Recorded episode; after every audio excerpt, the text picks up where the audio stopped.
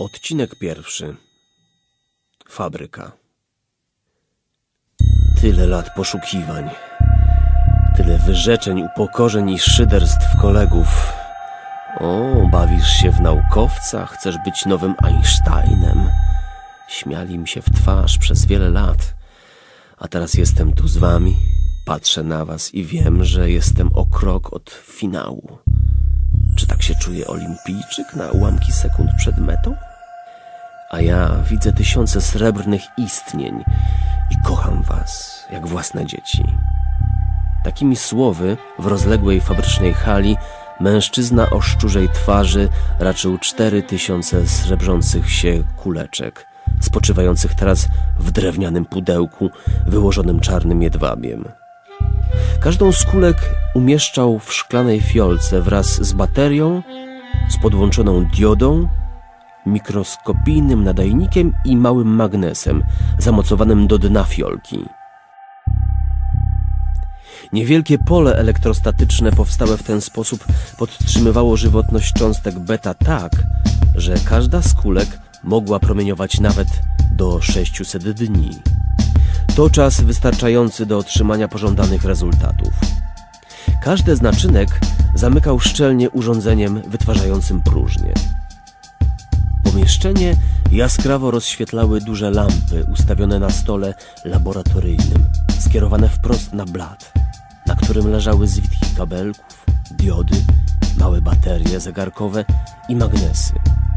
Mężczyzna klęczał przed maszyną napromieniowującą, układał powstałe fiolki na porcelanowych tackach, a te jedna na drugiej wkładał do wnętrza urządzenia. Pracował tak godzina za godziną. Zamykał szczelnie maszynę, włączał ją, a potem po 40 minutach wyciągał kolejną porcję aktywnych, gotowych, małych, promieniotwórczych bomb.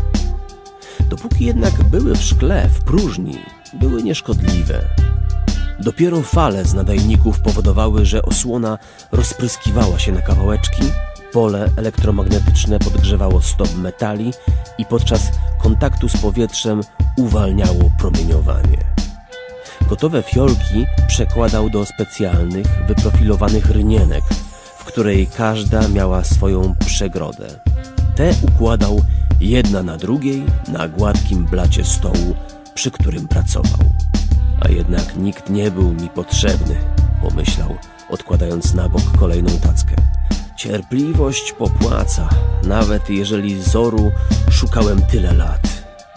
Jakież głupie są sentymenty rodzinne, jak się człowiek może omamić nimi, jak wtedy rozum traci, staje się łatwym, wręcz idealnym celem do manipulacji.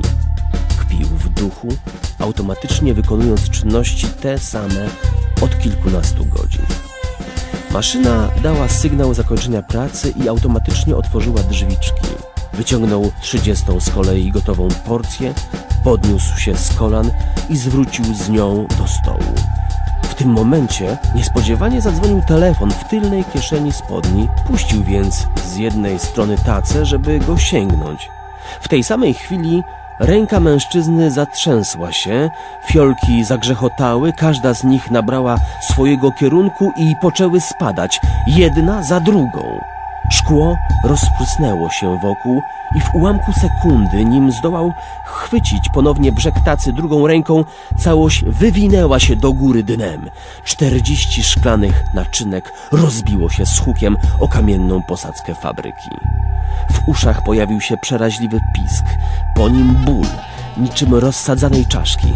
Mężczyzna zachwiał się, a upadając trącił stos rynienek z gotowymi promieniotwórczymi fiolkami, które hurtem wylądowały na podłodze, tak samo pękając i tłukąc się.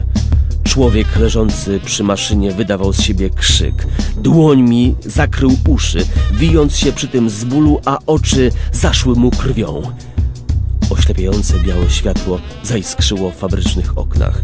Po nim nastał huk, ziemia zatrzęsła się. A potem było już cicho, ciemno i spokojnie. Na fabrycznej posadzce leżały drobiny potłuczonego szkła i to, co zostało po mężczyźnie, który z całą pewnością nie miał już ujrzeć efektów swojej pracy.